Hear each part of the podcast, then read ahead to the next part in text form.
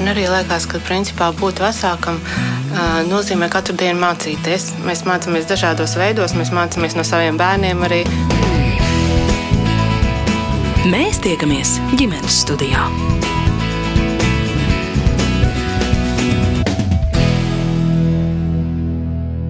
Labdien, un esiet sveicināti ģimenes studijā! Mani sauc Agnese Linka, šī raidījuma producente ir Ilza Zvaigzne, un šodien piedāvāsim kādu sarunu, gribas teikt, bez cukura glazūras, lai kā mums patiktu to tā vienmērīgi pārklāt it visam mātes dienas priekšvakarā. Taču mammas pieredze bieži vien ir sarežģīta, grūta, Tā jāpārdzīvo, uzskata Instagram konta My First Year 2 autors, kas jau ilgāku laiku vāc un publisko dažādu sieviešu mātešķības stāstus. Šoreiz stāsts būs par viņām pašām. Ģimenes studijas dubultu portretā šodien divas mazu bērnu mammas, publiciste Agra Lieģe un māksliniece Elīna Brasliņa.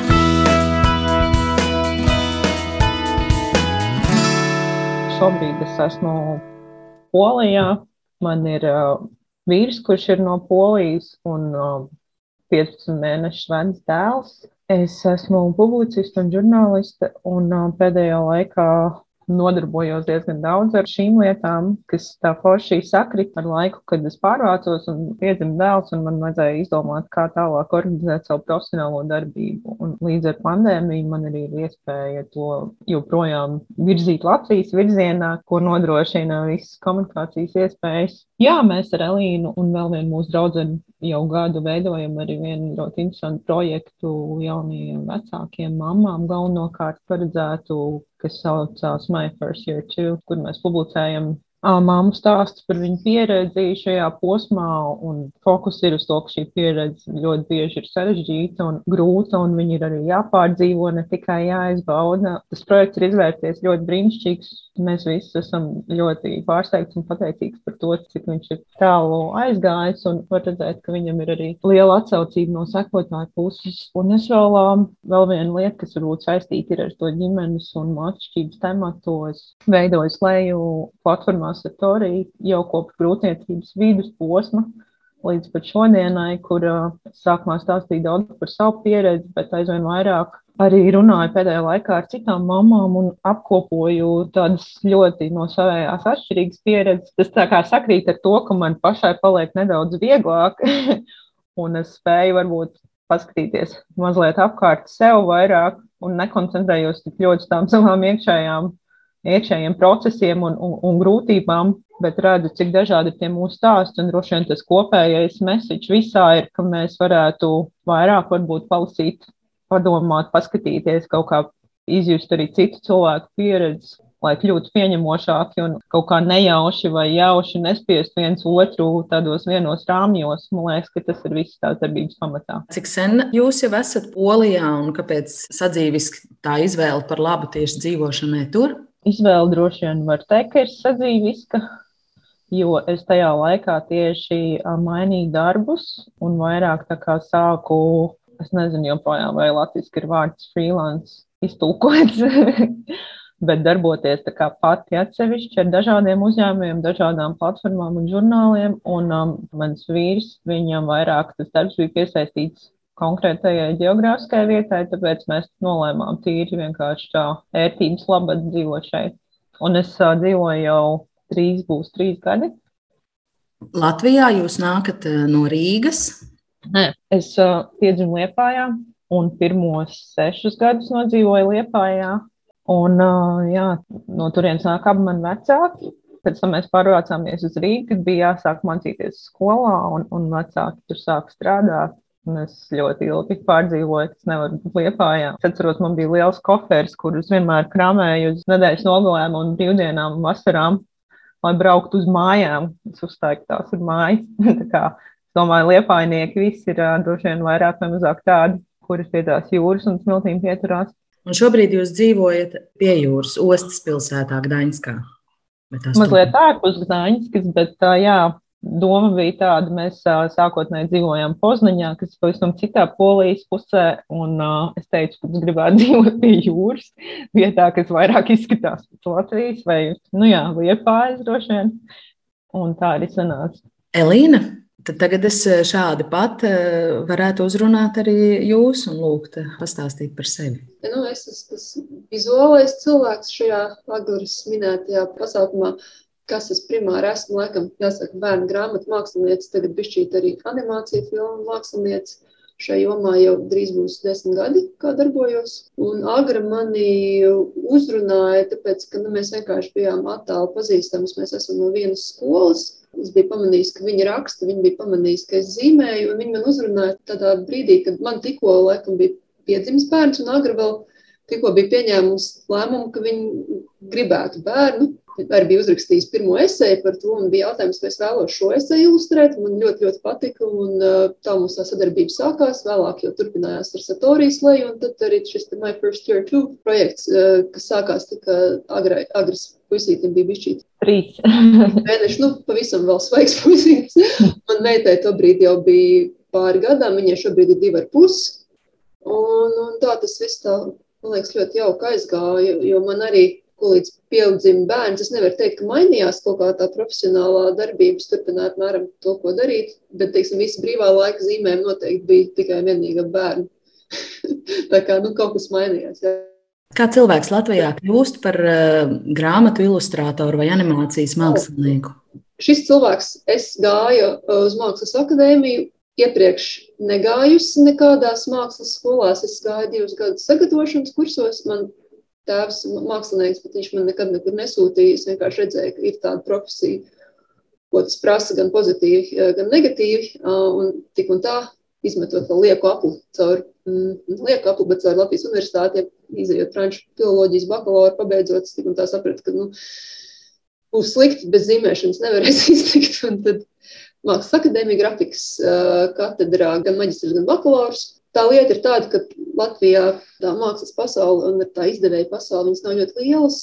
Un kaut kādā mērā caur, arī caur pazīšanos, caur to, ka teiksim, kāds nevar kaut kādu projektu izdarīt, tu uzņemies, piemēram, tā to pirmā grāmata, kāds to pamana, un tā pamazām, pamazām sākumā grāmatas, tad režisors Edmunds Jansons, kuram bija jātaisa uh, Maskačkas stāsta ekranizācija, multfilmu grāmatas oriģinālais ilustrētājs Reinis Petersons. Diemžēl nevarēja piekrist šim projektam. Viņš, balstoties uz to, ko viņš bija redzējis manās ilustrētajās grāmatās, man piezvanīja. Nezinu, ļoti, manuprāt, riskanti uzaicināja cilvēku pilnīgi bez pieredzes, bet tas beigās bija baigi forši, un mēs jau pie otrās filmas kopīgi strādājam. Jūs eh, kļuvāt par bērnu grāmatu mākslinieci vēl pirms kļuvāt par māmu. Jā, tieši tā. Es būtībā man pirmā grāmata iznāca, kad es vēl biju bakalaura studijās, man liekas, trešajā vai ceturtajā kursā, krietni pirms.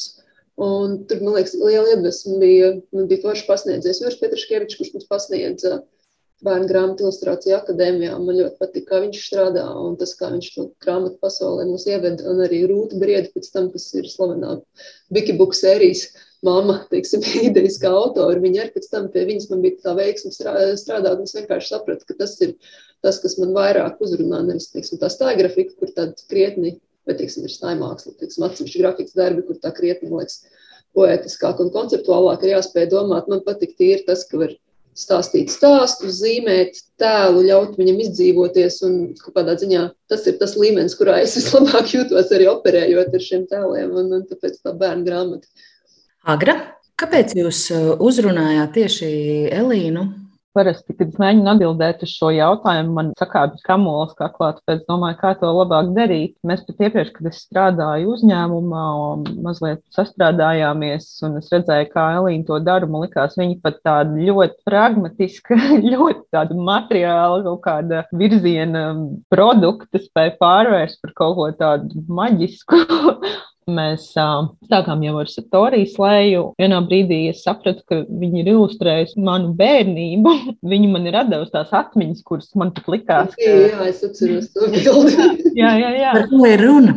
Ir runa par vienu, par vienu mazu eseju, kas saucās uh, Vēstuli vecākiem, kur Elīna uzzīmēja mani. Es biju izstāstījis savu tādu smieklīgu, nu, toreiz tas man nebija smieklīgi, toreiz tas man bija diezgan biedējošs piedzīvojums, bet man bija kādi 4-5 gadi, un es biju dārziņā. Mājās man bija kaut kāda grāmata, kur bija bailīgas bildes, un es, es tik šausmīgi nobijos, ka es gribēju no tās grāmatas atbrīvoties un aiz, aiznesu viņu dārziņu un iestūmu plauktā, nevienam nesakot. Un man pēc tam vecāki prasīja, kāpēc tu mums nepateici, un es, es, es nevarēju atbildēt šo jautājumu. Un Elīna ilustrēja to stāstu ar tādu bildi, kur man likās, tur esmu es, tur ir grāmatplauks, tur ir mana istaba, es tur visu pazīstu. Kaut kā kopš tā laika tas bija tik loģiski, kad vien viņa piekristu, es viņai prasītu ilustrēt jebko, kas, kas ir uzrakstīts. Un tad es viņu uzrunāju šī projekta sakarā, My First Year Two, kur viņa ilustrēja māmu atsūtītās fotogrāfijas, jo mēs jau toreiz zinājām, ka tam vizuāli ir jāizskatās kaut kā citādāk, ka tās nevar būt vienkārši fotografijas, bet tas kaut kā lieliski arī sakrīt ar to, ka ļoti bieži, nu, māmas negrib likt to mazo bērniņu bildes publiskot, kur, nu, ne tikai savos, bet arī savos mm. uh, kontos, bet arī publiskos kontos, tāpēc tas tā kaut kā lieliski izvērtās par projektu, kur var um, izmantot ilustrācijas. Un tas, kas notiek, ir tik ļoti daudz no viņām, pēc tam grib tās bildes un printē un liek pie sienām un rāmē, un, vai liek savos profilos, tas tā, tas tā forši. Viņas redz visu tur sevi, un mēs tur redzam, un ir, kas saka, mēs tur redzam pazīstams cilvēku, kurus mēs pazīstam, un viņš jau zināja, ka tā es tu pirms izlasīju to stāstu. Nu, tā. Elīna, līdzīgs jautājums jums, kāpēc jūs um, uzrunājāt agras piedāvājums veidot šādu saturu Instagram kontā? Kā es minēju, man ļoti patīk, kā agri raksta. Es pat arī kaut ko dažkārt mēģinu rakstīt, man tas nāk ar milzīgām lokām, un tāpēc man ir pirmkārt liela brīdi. Tad cilvēkiem, kas raksta un raksta labi un dzīvo tekstā, tas viens agri labi raksta, viņi raksta par tēmām, kas man interesē. Tas pirmajos arī bērnu dzīves mēnešos, un arī pēc tam tas bērns ir tik centrāls un tās sajūtas ir tik centrāls. Man patīk, ka agri, man liekas, māca verbalizēt tās lietas, ko es pats sevī jūtu. Es domāju, ļoti daudz citas mammas arī jūt un nav kas ieliek to vārdos. Un, un, un, tāpēc man piesaistīja tas un, un vienkārši šī ideja, ka būs tāda platforma, kur ir tādi tā nefiltrēti, neatlasīti, nekūrēti mammu stāsti, kas it kā jau sāk parādīties Instagramā. Nu, parādās teiksim, tā ne, neglamūrīgā mātišķības puse, bet es tik un tāpat brīdī, kad viņi ir neglamūrīgi, tur ir arī kaut kas tāds tā piekūrēts uh, mazliet. Un, un, un šeit likās tiešām, ka tas varētu būt tā bez filtra, bet arī ne ar mērķu šokēt vai kaut kā tā. Vai, vai, bet tiešām tik likt padomāt, redzēt dažādas puses. Un, un es pat arī piekrītot, nezināju, cik tiešām lieliski aizies. Man liekas, tas būs tāds maziņš blakus projektiņš. Reizi nedēļā, divās kaut kas, nu, bet tas tiešām tā interese ir tik liela, ka, ka, nu, tas turpina, turpina, turpina izstāsta, ka neapstāsies tuvākajā laikā. Kāpēc, jūsuprāt, plašākai sabiedrības daļai vajadzētu redzēt mātešķību bez filtra? Primāri tas ir tāpēc, ka mātešķība pretēji tam, kā man liekas, tiek pozicionēts sabiedrībā, literatūrā, mēdījos, tā nav nišas sfēra. tā ir sfēra, kura Jo vēl jau vairāk tagad, kad es tajā esmu iekšā, man ir ļoti nu, pārsteidz tas, ka viņi varētu, kāds viņu spētu nobīdīt nišā, bet tas notiek. Tas ir kaut kas, kas ir noticis ar mums visiem, kā bērniem. Mums ir mammas, kāds mūs ir piedzemdējis un rūpējies par mums bērnībā, un ļoti daudzām sievietēm ir bērni. Un, un tas, ka par to mēs zinām tik maz, jo mēs zinām maz, jo mēs nezinām patiesību. Mēs zinām kaut ko, un varbūt liekas, ka mēs zinām daudz, bet tā nav. Un ka mēs neinteresējamies par to, kas man arī liekas ļoti netaisnīgi, jo cilvēki raksta grāmatas par tik marginālām tēmām, un cil citi cilvēki par viņām lasa, bet kāpēc ne par šo?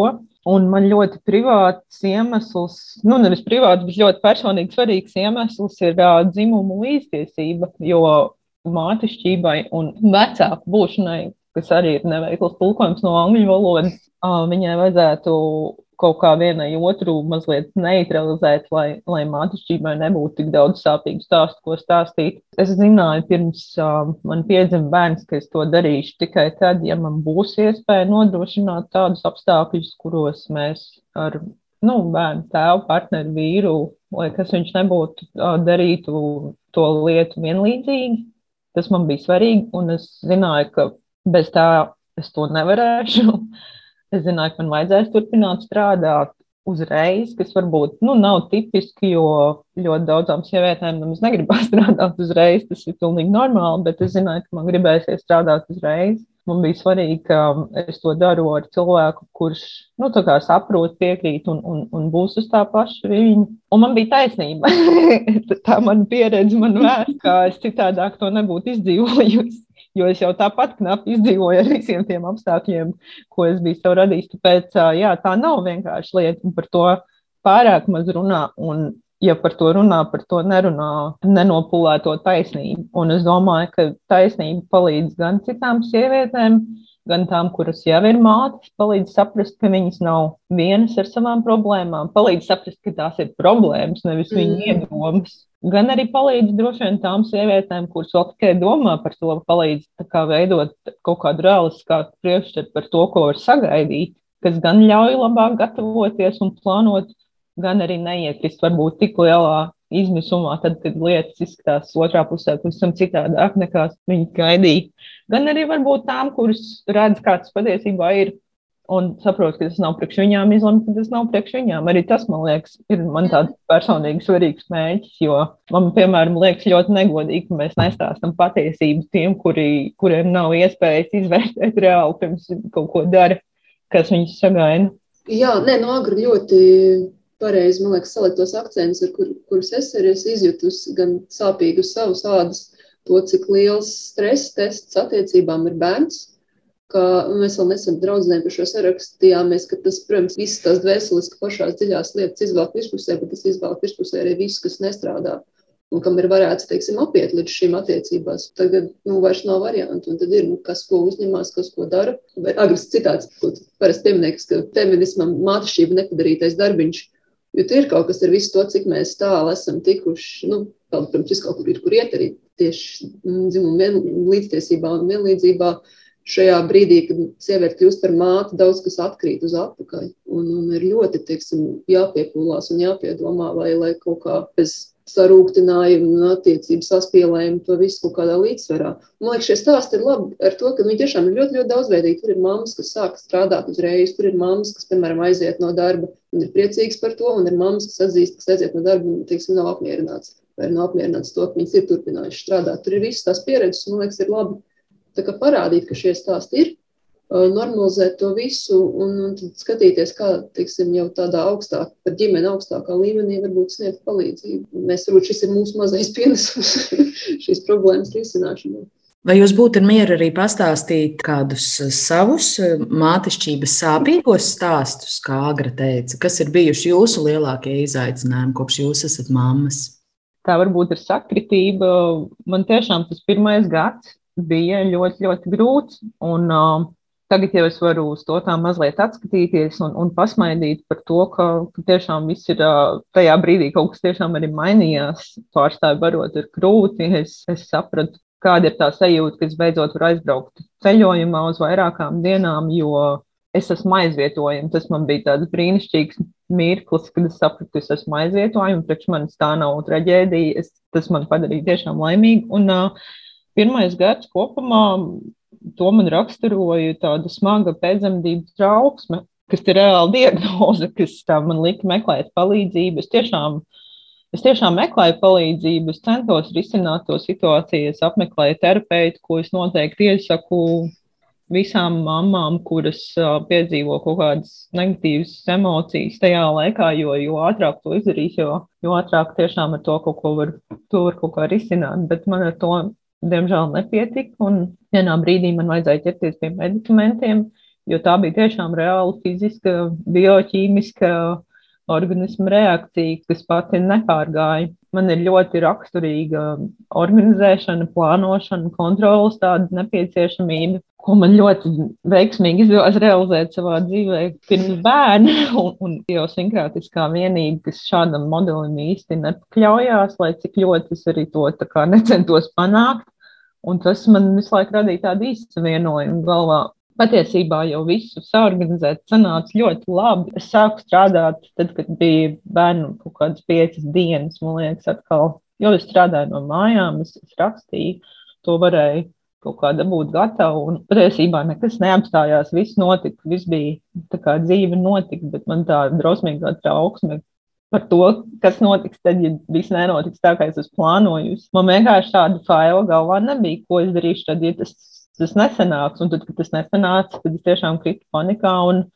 Es tiešām apzināti centos ar to strādāt, neuzsvērt to par normu, bet uh, man pagāja tiešām ilgs laiks, lai, lai izkāptu no tās spriedzes ārā. Un, uh, Es varu teikt, ka tagad tas ir izdevies. Es beidzot varu izbaudīt dzīvi ar, ar to bērnu, kurš ir rītīgi foršs. Bet jāsaka, ka es tiešām arī neesmu, es neesmu tā kā zīdaiņa māma. Es tiešām gaidīju to laiku, ka viņš izaugs mazliet lielāks. Un, interesantāks un saprotamāks un sāk jau ko darīt. Un man ļoti nepatika tā viņa bezpalīdzība. Tādā ziņā, man ir biedē cilvēku bezpalīdzība principā, un, un es, protams, centos par viņu rūpēties pēc labākās sirdsapziņas ar domu, ko viņam tagad varētu vajadzēt, bet tas, ka viņš tagad ir tāds jau, nē, es negribu šitos, tas, tā, tas man ir tik, tik milzīgs atvieglojums, ka viņš ir jau tāds mazliet par sevi pastāvēt, un beidzot mēs varam kaut kādā veidā komunicēt. Nu, protams, varbūt ne tādā veidā, kā ar pieaugušo, bet kaut cik es, es jūtu to viņa kaut kādu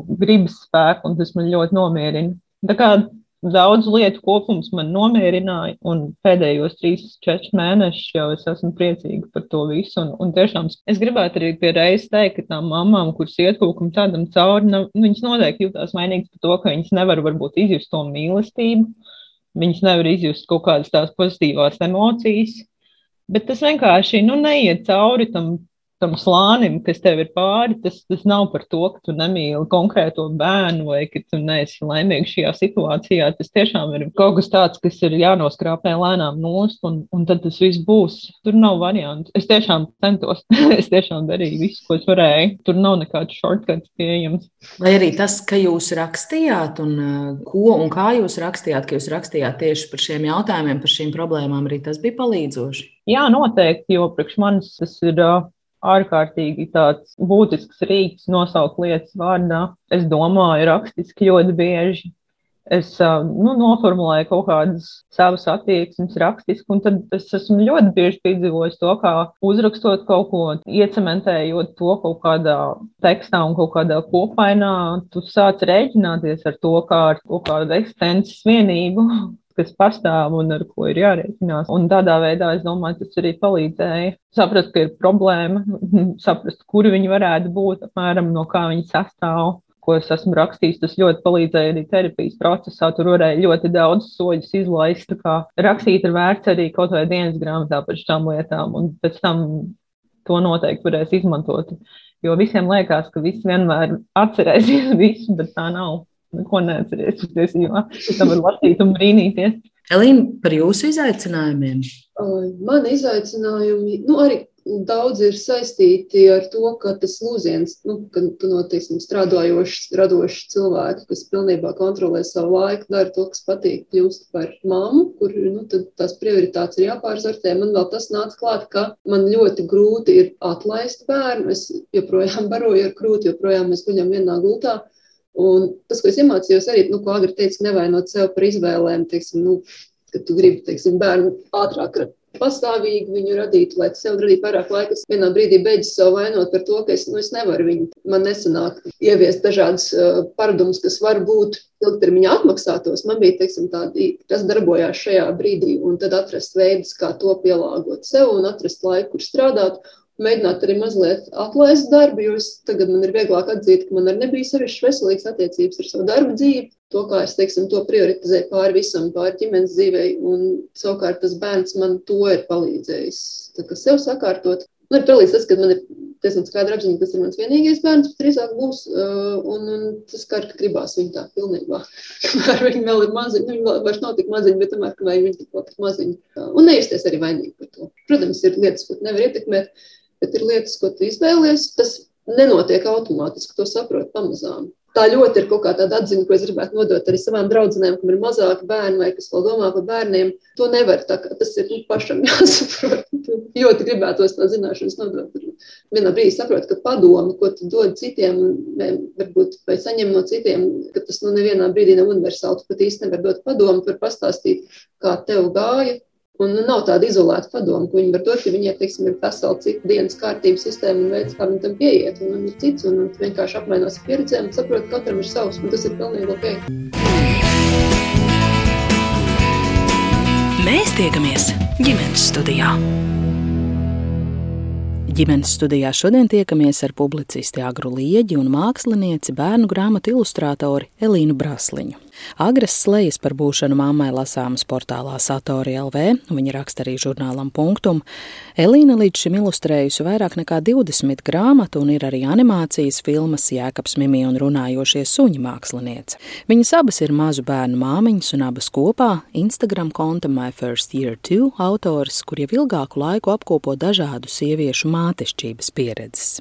Sarunu atsākot jautāju, kādi ir viņu vērojumi par atžgārnībām un viņu prāt greizākajiem stereotipiem, kas saistās ar mātes lomu un tās uztveri sabiedrībā. Man ir diezgan daudz draugu manā vecumā, kas ir nu, jau stingri nolēmuši, ka viņas nebūs mammas.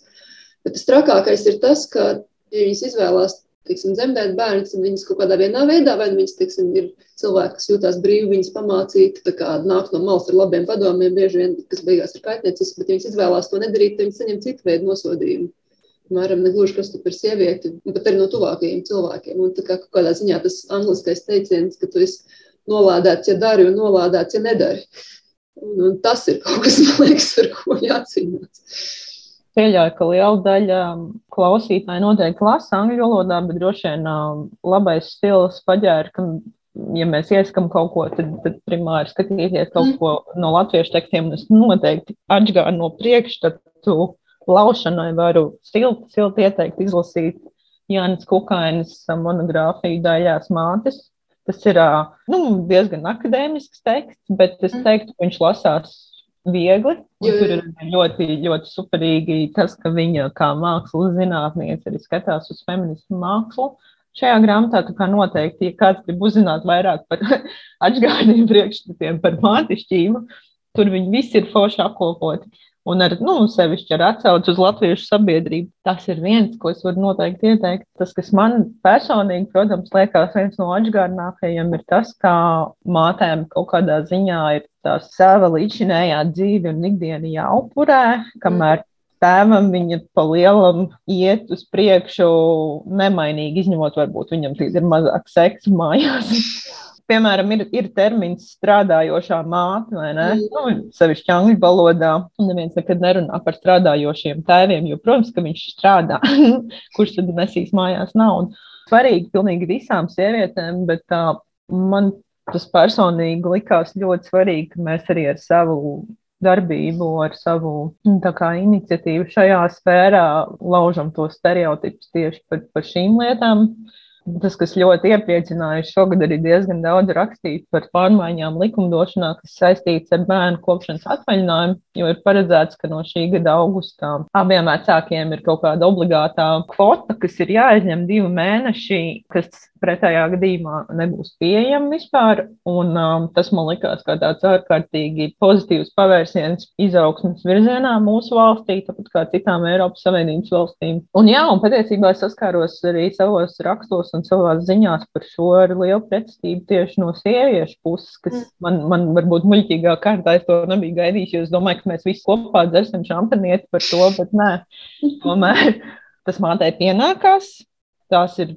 viņas tiesības izvēlēties, kurš ņems, kurš neņems. Ja viņi teiks, ka viņi grib visu, tad tas viņai pienākās. Un, protams, arī tas, ka vīrieši taču nemāku un nezinu un nevar, ir stereotipi, kas ir arī sievietēm prātos bieži vien. Es tos tiešām uzskatu par stereotipiem, jo Protams, ka vīrieši var. Protams, ka neviens no mums nevar sākumā. Mēs neviens mm. nemākam apieties ar bērnu pirmajā brīdī, kad mums viņu ieliek rokās, kad viņš ir piedzimis. Mēs to mācāmies tāpat, kā mēs mācāmies jebko dzīvē. Un, protams, ja viens mācās un otrs nemācās, tad viens māk un viens nemāk. Tas ir diezgan loģiski. Tie divi mēneši, ko atsevišķi pavadīt ar zīdaini, Es domāju, ka būtu svarīgi, ja katrs no cilvēkiem šo laiku izmanto tiešām vienatnē ar zīdaini, lai tiešām katrs pats mācētu ar viņu apieties, un pēc tam viss tās tālākās problēmas tiktu risinātas. Jā, un par to strādājošo māti, tas tā ir medaļas otra puse, kas man liekas svarīgi, jo tas, ka sieviete ir um, obligāti jāizkrīt no um, profesionālās vidas uz konkrētu laiku, tas izraisa tādu lavīnas efektu. Mm kas noved līdz diskriminācijai darba vidē, vēl tad, kad viņi ir stāvoklī, kas sākās gan arī lielās atšķirībās starp atalgojumiem. Tas nav tikai viens vai pusotrs gads, tas ir kaut kas ar tālajošām sekām. Protams, ka visi tie, kuri gribētu teikt, ka tas viss ir kaut kāds kapitālismu izgudrojums par to, ka visiem ir jāstrādā un jāražo valstī naudu, es domāju, ka patiesībā tas labais piemērs ir Zviedrija, kurā šāds modelis ir ieviests jau pirms 25 gadiem. Un tā nav valsts, kurā valda tāda tipa kapitālisms, kas cilvēkiem liek prioritizēt tikai un vienīgi savu profesionālo dzīvi virs savas ikdienas dzīves. Patiesībā gluži pretēji tās ir mūsu valsts, Austrum un Centrāla Eiropas valsts, kurā joprojām valda darbs pāri visam Savukārt, Skandināvijā četros tu viņam piekdienā var nemaz nezvanīt un nemēģināt kaut ko uzgrūst, vēl izdarīt. Tā kā es domāju, ka tas pats par sevi runā par to, kāds ir efekts šādam modelim. Šis ir mans lielākais stereotips. Otrs stereotips ir tas, kas ir saistīts ar dabiskumu. Uzbarošanu pret tā mākslīgo pienu maisījumu, dabiskās dzemdības, pret ķēzergriezienu, man liekas, kaut kā mums ir jāiemācās par šo runāt un domāt mazliet pieklājīgāk jo pirmkārt, tam nav tik liels nozīmes ilgtermiņā. To es tagad redzu. Es to visu pirmo gadu arī tik ļoti vairējos savā. O, kā es tagad baroju, es gribu ātri beigt, un es dosmojos, ka kāds runā par to, ka vajag barot trīs gadus obligāti vai nezinu, ilgāk. Un es saprotu, ka tagad es vispār par to nedomāju. Tas bija viens gads, viss pagāja, viss ir forši un viss. Un, ja kādu uztrauc, ko tas statistiski nozīmē bērnam, man liekas, ka vēl viena grāmata, ko es noteikti varu ieteikt, ir uh, Emilija Oster Cribsheet. Tā ir uh, ekonomiste, kura ir divu bērnu mamma un ir uzrakstījusi kolosālu grāmatu, kurā visas tās izvēles tiek pasniegtas ļoti neitrālā formā, paskaidrotas ar datiem un faktiem par to, ka patiesībā dari, ko gribi. Ir ļoti reti gadījumi, kad tu tiešām kaut ko ļoti smagi izdarīsi pāri bērnam, ja tu centies darīt visu to labāko, un tomēr reizē arī padomāt par sevi. Tu vari barot, nebarot, tu vari gulēt, negulēt.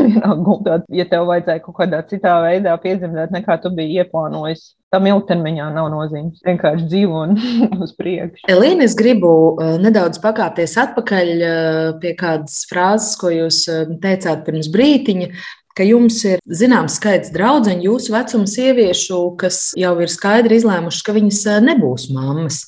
Ja. Vai tās ir tādas individuālas argumentācijas, vai ir arī iespēja kaut kādus vispārinājumus izdarīt par šiem iemesliem? Man liekas, tur, cik mēs esam runājuši, ir atklāti par to, tur nav vēlme. Tas, protams, kas ir par sevi domājot, man ir tās šaubas, vajag, nevajag. Ir cilvēki, kuriem nav šādu šaubu. Man liekas, ļoti grūti uh, iejusties tajā, ka ir tiešām tāda noteikta skaidrība, ka man nevajag, un visam šīm dāmām ir. Ir meitenes, sievietes, kurām ir arī nu, par veselību bail. Dzemdības ir ļoti piedējušas. Tas nozīmē, ka iespējams izplatās varbūt vairāk informācija par to, ka dzemdēšana tas nav vienmēr gludi, dabiski un bez, bez sarežģījumiem. Tas ir samērā stresains pasākums, kam ķermenim iet cauri. Bet nu, jā, arī tas, ka tu negribās, lai dzīve mainās, varbūt. Un, un, pie šīs dzīves arī pieturēties. Jo bērns ir, protams, tas, kas šo dzīvi sagrozīs, dari kā grib. Redzot, kā apkārtējiem, teiksim, kādas izmaiņas tas ievieš uh, viņu dzīvēs, un tie pārdzīvojumi iet cauri, un cilvēks jūt, ka viņš varbūt nav gatavs. Tad ir šīs apziņas arī turās. Nu, tā tiešām nav, nav maz šādu sieviešu lokā. Agri, vai jums ir arī kāda vērojuma par šo?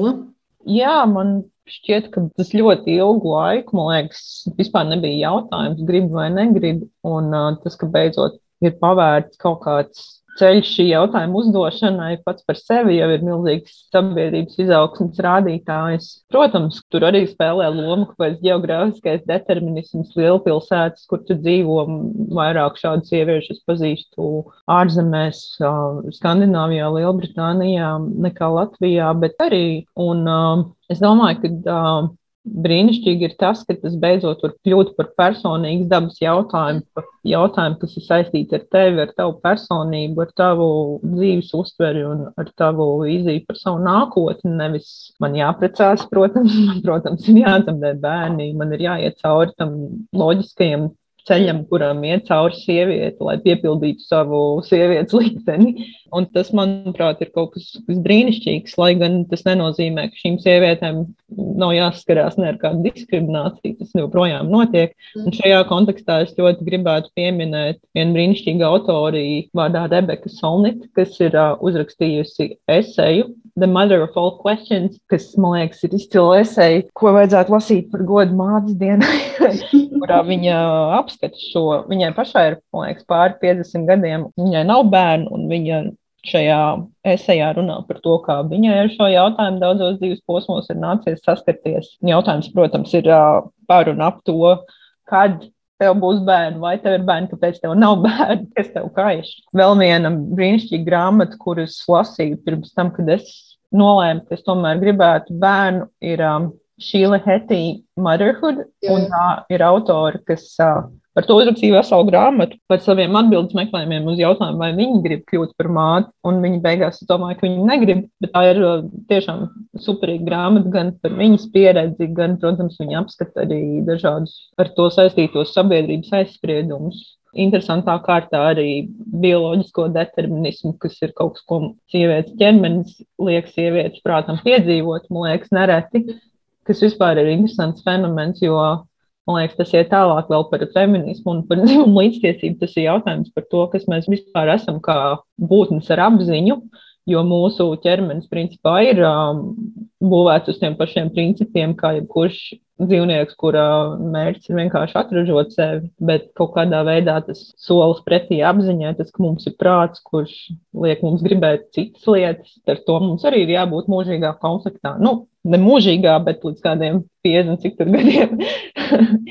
es domāju, ir svarīgi, ka mums beidzot tos jautājumus ir iespējams sev uzdot. Un man liekas, ir svarīgi, ka viņus var uzdot bez tāda apkārtējo spiediena. Gan par visām ar bērnu aprūpas saistītajām lietām, gan par to, vai tu vispār gribi kļūt par māti. Tā vajadzētu būt sarunai tev ar sevi primāri, pēc tam tev ar partneri, vai nu, kāda ir tā situācija. Bet tai nebūtu jābūt tādai agresīvai tenisa spēlē tev ar sabiedrību, kur tu visu laiku mēģini atsisties. Un tāpēc, man liekas, ir forši, ka tas sāk kļūt par tādu personīgāku jautājumu. Dažkārt mēdz teikt, ka tad, kad sieviete kļūst par māti, tad viņa ar citām acīm paskatās arī pati uz savu mammu. Vai jūs esat ko tādu piedzīvojušas, pieredzējušas? Elīna?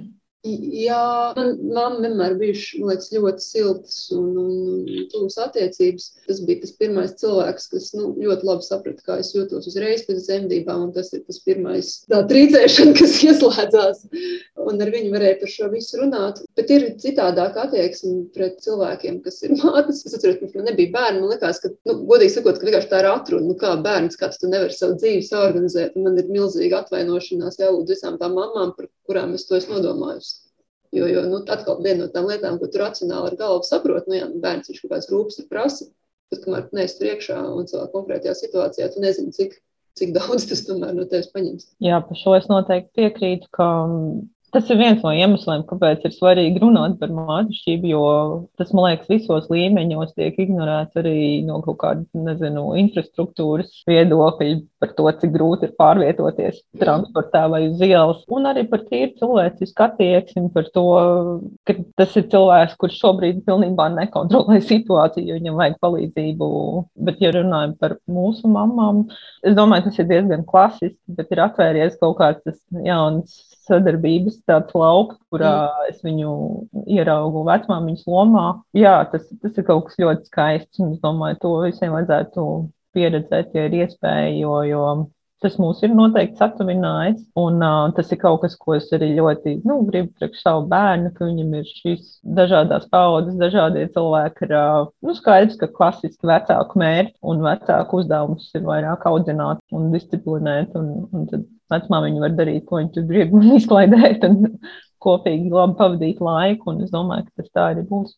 Ar kādām sajūtām jūs šogad sagaidāt mātes dienu?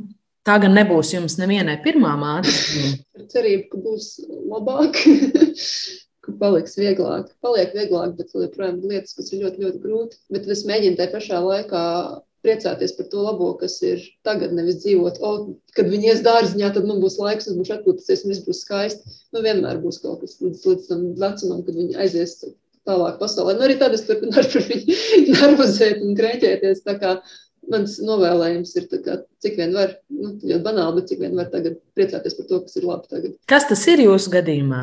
Kas, ir pie ikdienas prieka? katrs jaunais vārds, ko viņi iemācās, un kad redz, ka sāk kaut ko saslēgt un mēģināt stāstīt pārstāstīt multeņu sižetus vai pārstāstīt kaut kādus notikumus.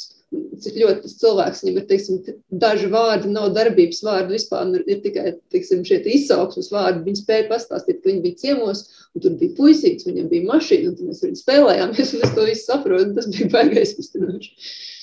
Mans dēls ir daudz mazāks, bet uh, kas ir uh, mainījies par šo gadu, sāku saprast, kā es varu viņu integrēt uh, mūsu ikdienā. Un, nu, nevis tikai nu, zīdaiņa aprūpe, absolūti grozās ap zīdaini un viņa grafiku, bet uh, barošanas, un gulēšanas un mazgāšanas grafiku. Bet, uh, tādu lielāku bērniņu, kurš jau staigā un kurš grib kaut ko darboties un kur interesē pasauli, mēs jau viņu varam integrēt vairāk savā dzīvē. Piemēram, vakar mēs nopirkām riteņus ar bērnu sēdeklīti, un es ārkārtīgi priecājos par to, kā mēs ar viņu tagad brauksim ar riteņiem kaut kur. Un, vai arī, piemēram, es viņu sāku pārnēsāt uz, uz muguras tajā somā, kas, kas bija pagājuši gadu, viņa bija paredzēta priekšnēsāšanā uz vēdera, kas viņam neiepatikās, bet pēkšņi mēs atklājām pirms pāris dienām, ka uz muguras gan ir tīri labi. Un uh, es jūtos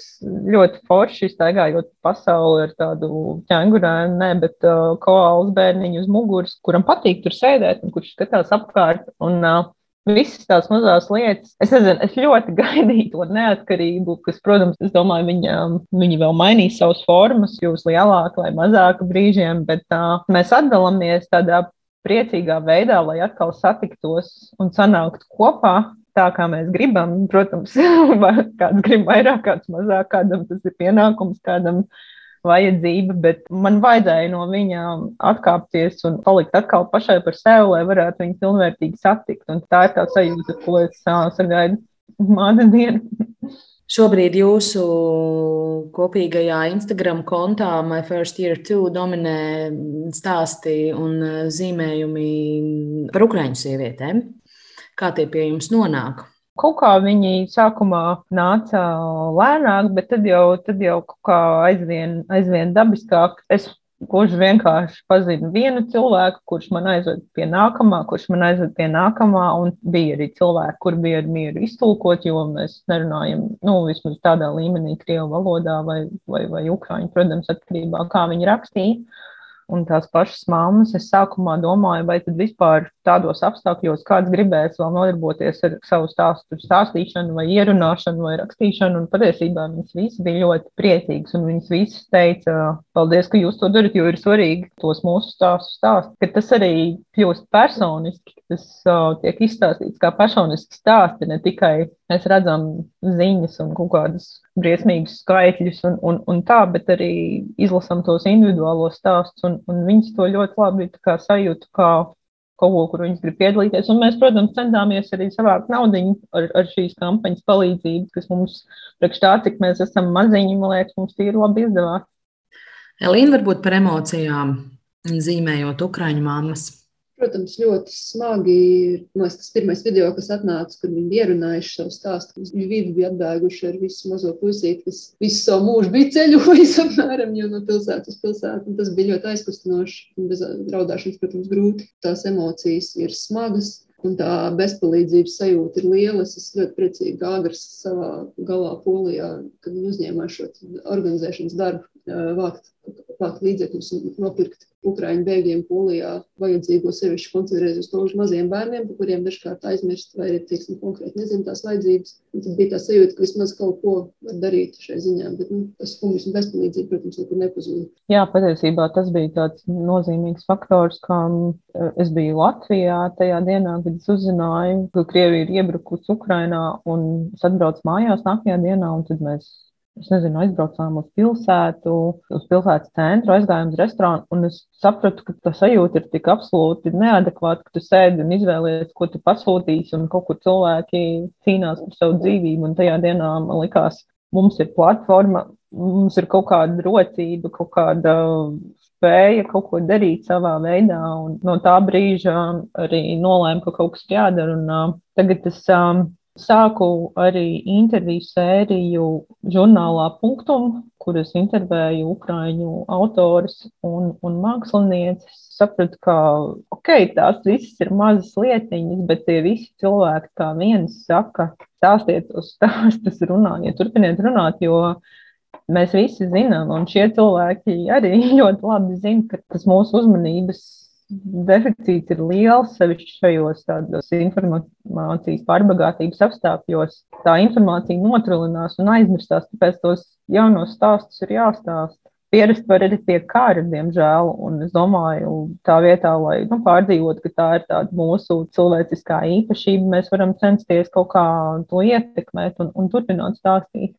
Es nezinu, es laiku domāju, kas ir tas personīgais, ko es varu izdarīt cik ir manas iespējas šobrīd, nemēr sajūta, ka varētu izdarīt vairāk. Un no tās sajūtas nevar tikt galā. Tāpēc, nu, cik vien var, es cenšos ko no savas puses arī Man liekas, tomēr beigas svarīgi, ka mēs nedomājam, ka mēs darām ļoti maz. Tā, katra tā lietiņa, protams, ir maza, bet nu, tas ir tas banālais, ka tas aiziet kopā un tad kļūst par kaut ko lielāku. Un ir atšķirība. Un katrs jau no mums varētu domāt, ka tas ir kaut kas nenozīmīgs un kāda jēga vispār, bet tā, no tā nav nekāda labuma. No tās domas un arī tā nav patiesība.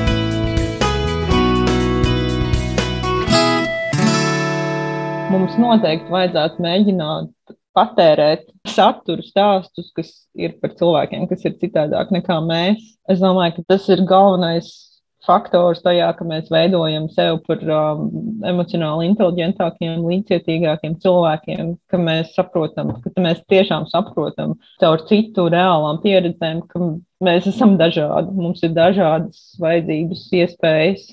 Viņas atšķirās arī dažādos dzīves posmos. Un, piemēram, mātišķība ļoti labi parādīja to, ka es neesmu tik visvarena, kā es biju iedomājusies. Un tas man tiešām ļauj kaut kā ar, ar lielāku līdzcietību skatīties uz apkārtējiem tagad, kas iepriekš varbūt man nebija tik raksturīgi. Un es tiešām gribu pateikt, ka gan vienkārši gan stāsti, gan dažādi cilvēku stāsti, gan arī tiešām mammu stāsti, jo mātišķība nav nišas nozara. Es domāju, lasiet, meklējiet stāstus un stāstiet savējos. Un um, es domāju, tā mēs tiešām sev varam veidot par labākiem cilvēkiem. Nu, ļoti skaisti pateici, man ir tas, kāpēc es vispār lasu kaut ko, ko citi stāsta. Cilvēki arī, kurus varbūt man grūtāk uztvert viņu pasaules redzējumu, tas ir nu, tā mēģināšana saprast, mēģināšana iejusties otru kurpēs audzināt šo līdzcietību, iejūtību un kaut kādā ziņā arī pret sevi varbūt to pavērst. Ja pret citiem tu esi iejūtīgs, tad es nu, iedodu sev arī kādu atlaidi. Jo tu dari labāko, ko tu šajā brīdī vari izdarīt. Šodien ģimenes studijas dubultportretā tikāmies ar divām mamām, publicisti Agru Lieģi un mākslinieci Elīnu Brasliņu. Ar viņām sarunājos es Agnese Linka. Rādījuma tapšanā piedalījās arī Ilza Zvaigzne un Nora Mītspapa. Paldies, ka klausījāties un uz sadzirdēšanos ģimenes studijā atkal drīzumā.